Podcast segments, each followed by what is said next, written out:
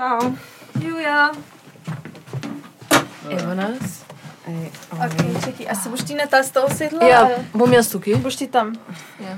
Tam le ima ena čala, ker Ja, ja, ja, ja hvala, Si- si hvala. pozabila, ja. Ja, Ja. mm, dobro, če ne, ne vidim. Okay, um, pa brez. Ja, aha. Okay. Okay.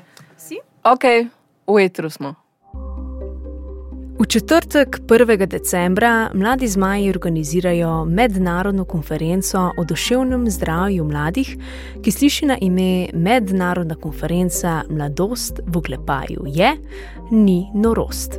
V odnosih smo ljudje. Sklop predavanj, delavnic in okrogle mize, čigar izhodišče bodo odnosi kot varovalni dejavnik, se bo odvijal v dan. Strokovnjaki pa bodo tekom dogodka poskušali odgovoriti na vprašanja, kot sta, kako nadaljno prispevati stroki in kako se približati mladim. Danes je z nami v studiu dr. Aleksandra Šuler, docentka na Fakulteti za humanistične študije Univerze na Primorskem, ki se je pri svojem raziskovalnem delu posvetila predvsem umetnostnim, terapevtskim in pedagoškim pristopom. Danes lahko trdimo, da je strokovnjakinja za integrativno umetnost in gibalno terapijo ter avtentično gibanje. Slednje je po njeni zaslugi tudi uvedeno v slovenski prostor kot možnost redne prakse. Dan danes se tako na Koperski humanistični fakulteti, kot tudi izven, trudi, da svoje bogato znanje deli naprej, in prav zdaj bo to znanje delila še z nami. Tako, gospa uh, Aleksandra, prosim, predstavite se kar sami. Uh, dober dan, uh, jaz sem Aleksandra Šuler. Um, danes se pogovarjava zato, ker se ukvarjam s področjem umetnostnih terapij, se pravi s področjem pomoči z umetnostnimi izraznimi sredstvi. To je ena novejših psihoterapevtskih smeri. Um, drugače, um, moje področje delovanja zajema več smeri, se pravi, delam neposredno s klienti, delam z odraslimi.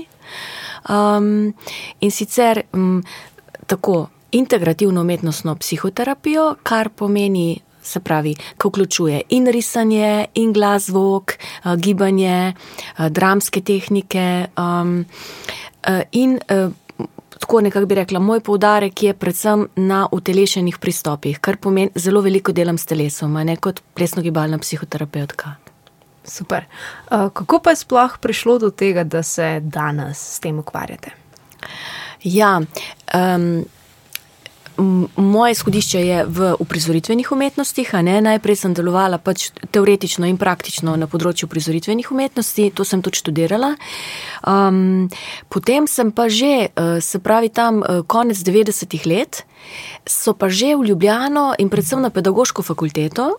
eh, V okviru različnih mednarodnih programov, prvi taki programi, Tempus programi so bili to, začeli prihajati strokovnjaki iz različnih evropskih držav, ki so pa že bili ali dramski terapeuti, ali plesno-gibalni, likovni in glasbeni. In to so bila prva izobraževanja in tudi izkustveno delo. In jaz sem gotovila, da me v resnici bolj zanima ta, rečemo, osebnostni razvojni ali pa terapevtski zdravilni potencial lepote, ne, se pravi, ustvarjalnega procesa, ki ne služi temu, da bi postal umetniški proces, se pravi, nima tega vrednotenja, ne, nima normativne estetike, kaj je dobro, kaj ni, ampak kaj se že s tem naredi v človeku, ko jaz nekaj izrazim, svoj notranji svet. In to je ta, rečemo, zdravilni potencial. In to se mi je zdelo veliko bolj resnično um, in zanimivo kot samo uh, ustvarjanje, ne kot umetnica. Super. Uh, kako pa vi gledate v bistvu na neko klasično oziroma na tipično psihoterapijo? Tudi um, umetnostni pro, uh, pristopi na področju psihoterapije imajo en velik del, uh, se pravi, razlika bistvena je. Veliko je sorodnosti, razlika pa je v tem, da mi začnemo na ravni ustvarjalnega procesa. Se pravi, ali bo najprej risba, nek produkt bo, ali bo neka glasbena improvizacija, potem se bomo pa začeli pogovarjati o asociacijah, mislih, čustvih, nekih spominskih drobcih. Tako da um, tudi umetnostne terapije nikoli ne bodo brez, rečemo, kognitivne miselne refleksije ali pa analize, ki je pa značilna recimo za pogovorne oblike psihoterapije. Um, je pa um, ena, mogoče pa zelo pomembna stvar, da rečem. Um, Kadar mi recimo delamo s telesom ali ko nekaj narišemo, ali tudi mogoče glasba je tako en tak neposreden dostop do čustev. Um, telo ima svoj spomin in je tudi delo s telesom, je, se pravi, gibanje ali ples, tudi na nek način je zelo direktna pot. Ne, to je že Freud rekel. Freud je komentiral, ne, en zlan citat je, da je analiza kraljevska pot v nezavedno. In uh, sodobna plesna uh, gibalna terapija pravi, da delo s telesom je pa tudi kraljevska pot, ne najbolj neposredna, ker dejansko se sprožajo stvari, ki so bile globoko uh, pokopane. Naprimer, ne, sodobna teorija travme. Eh, se natančno eh, na tem eh, sloni, da je, ko se nam zgodi nek traumatski dogodek, ne, ali nam osebno, ali smo samo priča, ne, in to ni treba, da je neka zelo velika, mm, ne vem, mogoče recimo neka naravna nesreča ali pa izguba, ne, nekaj, kar smo mi zaznali kot traumatično. Če je bilo to. Mogoče recimo za otroka, za mladega človeka, tudi odraslega, v danem trenutku tako hudo, da je bilo skoraj, da ne bi mogel prenesti.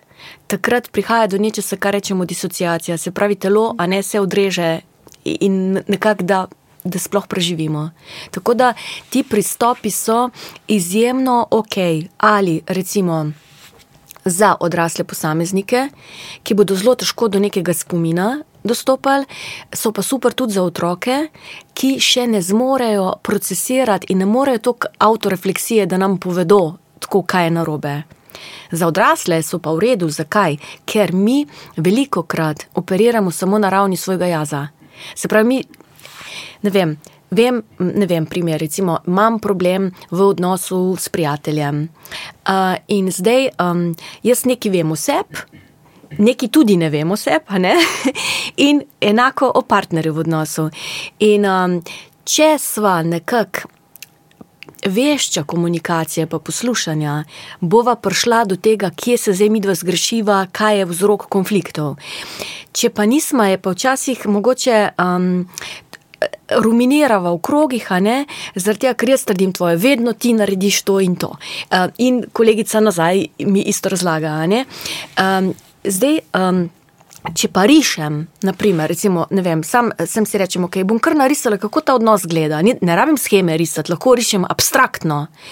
Pol pa začnem gledati in tukaj je seveda fajn uh, spremstvo likovnega terapeuta, ker ne bo deloval tako, kot si včasih predstavljamo, uh, vem, da nam bo pogledal risbo in nam bo interpretiral, kaj smo tam narisali. Um, ampak bo, recimo, likovni psihoterapeut vprašal, ok, te barve so zanimive, ne, pa kaj vi sami vidite. In počasi vodiš proces, da človek vstopa. A ne v, to, v ta produkt ali v sam proces gibalni, kakšni so bili tam občutki, kako se to lahko mogoče asociativno poveže vem, s tem, kar se pa dejansko tam dogaja. Potem pa lahko pridemo do informacij, ki nam v tej naši dnevni oski zavesti niso dostopne. Super. Takoj, ko sem v bistvu omenila Freuda, sem dobila tisto sliko klasičnega freudovskega stolca oziroma te stacionarne uh, psihoterapevtske pozicije.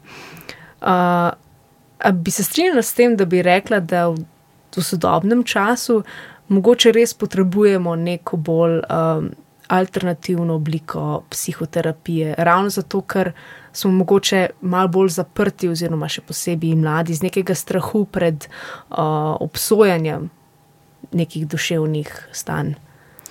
Um. Večina eh, sodobnih eh, modalitet psihoterapevtskih ne uporablja več klasičnega settinga. Se pravi, um, um, lahko recimo v klasični psihoanalizi bi klient ležal na kavču in za njegovim zglavjem je pa analitik, ne? ki se ne razkriva, ki se ne kaže v svoji nepopolni človeškosti, ker pač mora imeti ta, rečemo, nek bel paravan za projekcije uh, klienta. Um, tega je zelo malo, večina. Pogovorov, večina tudi, ne, na čem temelji dober terapevtski odnos, ne, ni toliko odvisen od raziskave, kažejo, da ni toliko odvisno, katero smer mi izberemo ampak je um, ključna je kvaliteta odnosa. Lahko, kaj lahko zgradita, in seveda bo temeljilo um, razmerje moči. V terapevtskem odnosu nikoli ni enako vredno. To je dejstvo. Zaradi tega, ker je tisti, ki se razkriva, s katerim materialom se dela, je v neprimerno bolj ranljivi poziciji. Ampak vse sodobne smeri bodo prišle v to, da je spoštljivo in na tej ravni enakovredno. In zato tudi mora imeti psihoterapeut za seboj lastno terapevtsko izkušnjo, da razume in ima potrebno uh, ponižnost do tega. Zato, ker pozna svoje senčne dele, svoje manjke in tudi ve, da se ne bojo kar enkrat, razvoj ni linearna stvar. Ne, se pravi, da bi se enkrat pač kar, ne vem, vse zaključilo in mi smo razsvetljeni, kot bi nam New Age rad ponudil, ne, da je ta možnost.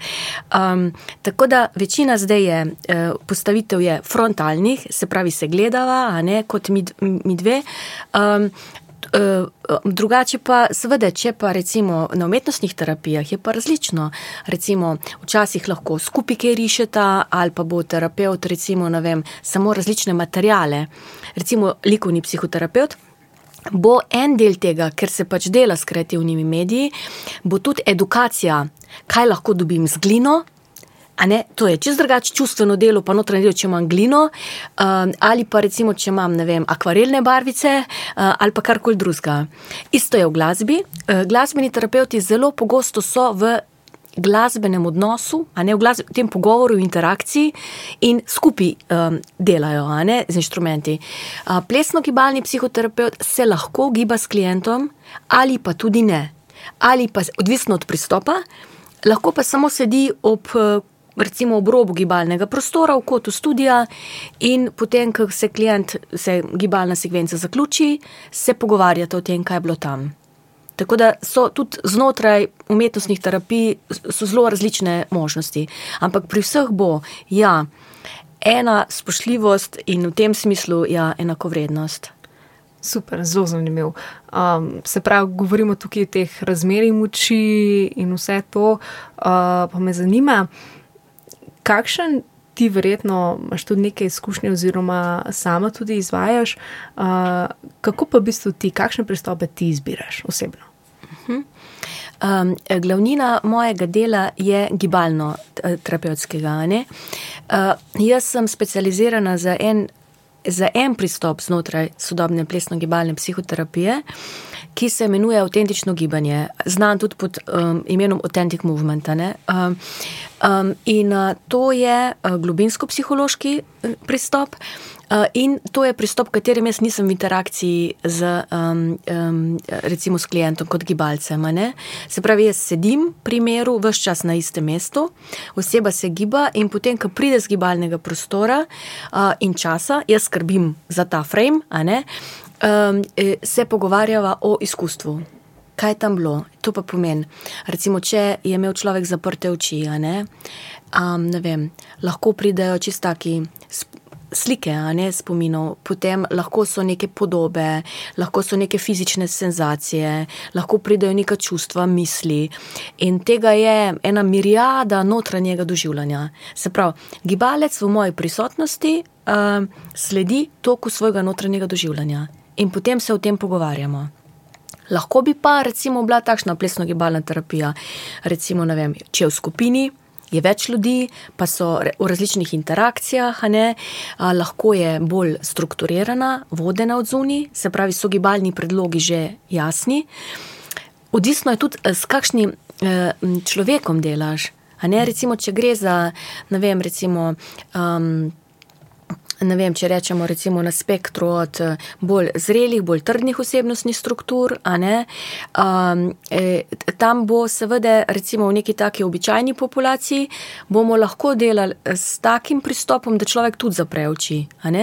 Medtem ko recimo nekdo, ki bi, bi bil naprimer recimo na kliniki, na kliniki, recimo v kliničnem okolju, nekdo, ki mogoče je ravno kar tako bolj krhek trenutno, ne? ali pa mogoče neka psihotična stanja tudi izkuša, za takega človeka bojo bolj, bolj strukturirani. Se pravi, nekaj, kar je tako zelo tukaj in zdaj, da ne prekinja eh, stika morebitnega s konvencionalno realnostjo, ki je že zaradi narave bolezni mogoče skrhan. In vsaka od teh uh, smeri bo imela neka svoja pravila, ne to je, tako rečemo, eno morje teh različnih uh, načinov. Delam pa tudi integrativno, kar pomeni, da imamo različna umetnostna sredstva in včasih ljudje raziskujejo, recimo, najprej so se gibali. Potem bojo pa mogoče v zvoku izrazili to doživljanje, ali pa kaj narisali, pa se o tem pogovarjamo. Um, včasih tudi napišejo, ne vem, kakšno kratko prozo, ki ni kot dnevnika, ne? ampak čistko včasih um, notranje občutja lažje izrazimo ljudje z metaforami. A ne se tudi, ko govorimo. Um, in pol pridejo tudi nekakšna, ne vem, hajku poezija ali pa kaj ta zgarata. Skratka, zelo lepe stvari tudi. Super, super. Um, zdaj si bomo na tej točki privoščili en glasbeni premor uh, in potem nadaljujemo naprej.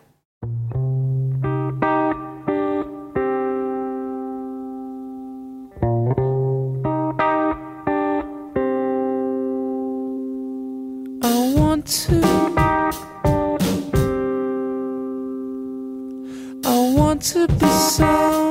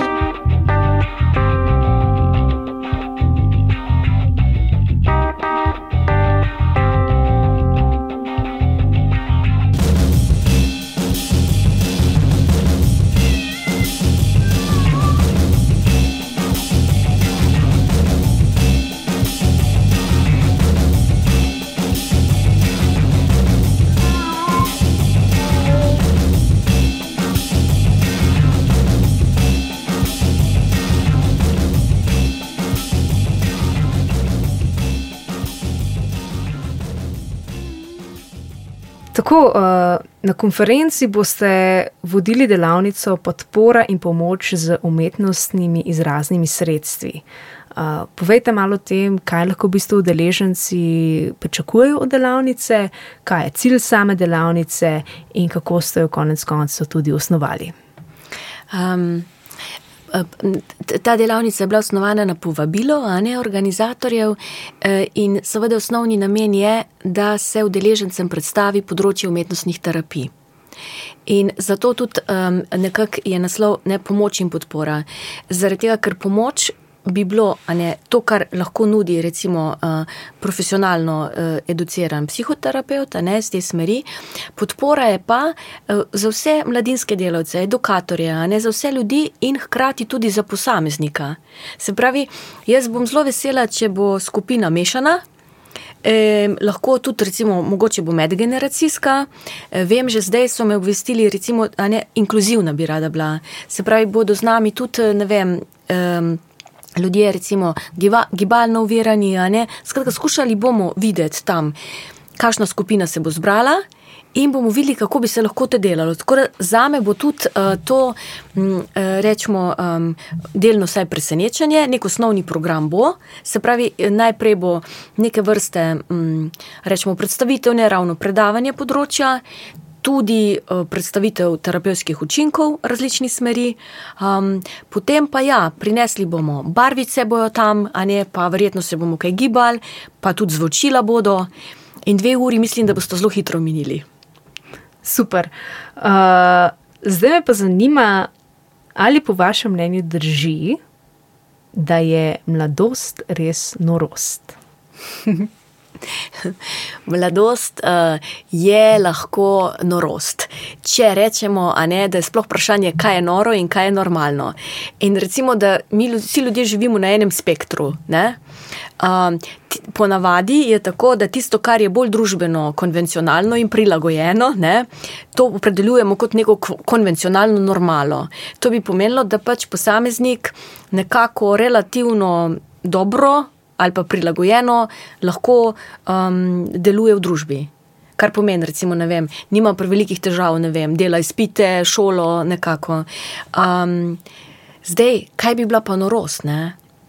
Um, nekaj norosti rabimo, če bi hoteli biti ustvarjalni, uh, če si hočemo kaj upati v življenju. Um, In uh, mogoče, če vsak od nas pomisli, kdaj smo naredili, vem, kdaj smo imeli mogoče najboljše ideje, ali pa kdaj so za nas osebno se zgodile najbolj prelomne stvari. Verjetno ne takrat, ko smo bili zelo, zelo premišljeni, ampak takrat, ko smo sledili nekemu ustvarjalnemu impulzu.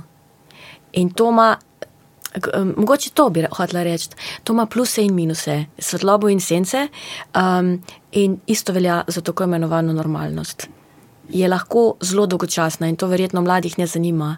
Um, bi bilo pa super, če bi nas večina ljudi imela možnost priti do prozne starosti na tak način, da bi se lahko s tem ustvarjalno igrali. Super. Uh, imate še mogoče znotraj nekega konteksta duševnega zdravja, uh, mogoče kakšno sporočilo za mlade? Um, bi kar nadaljevala s tem, ki smo bili zdaj. Um, nimam ideje, nimam projektne ideje, ne, kako bi to bilo, ampak um, nekako veliko krat je prepričanje. Ne, recimo, ko ljudje rečejo, ja, ker sem bil v srednji šoli ne, ali pa na faksu, to so bila najboljša leta. Um, bi hotela reči. Da za marsikaterega subtilnega človeka, ki ni konvencionalno prilagojen, to absolutno niso najboljše leta. To so leta, ki je zelo veliko identitetnih vprašanj, takih ali drugačnih, um, in odmikov ali nezmožnosti vklapljati se v mainstream uh, in biti del tega, da bi se res lahko počutil ena celota. Ampak v tem je veliko semen. Um, S, s katerih lahko zrase marsikaj zelo pomembnega in lepega.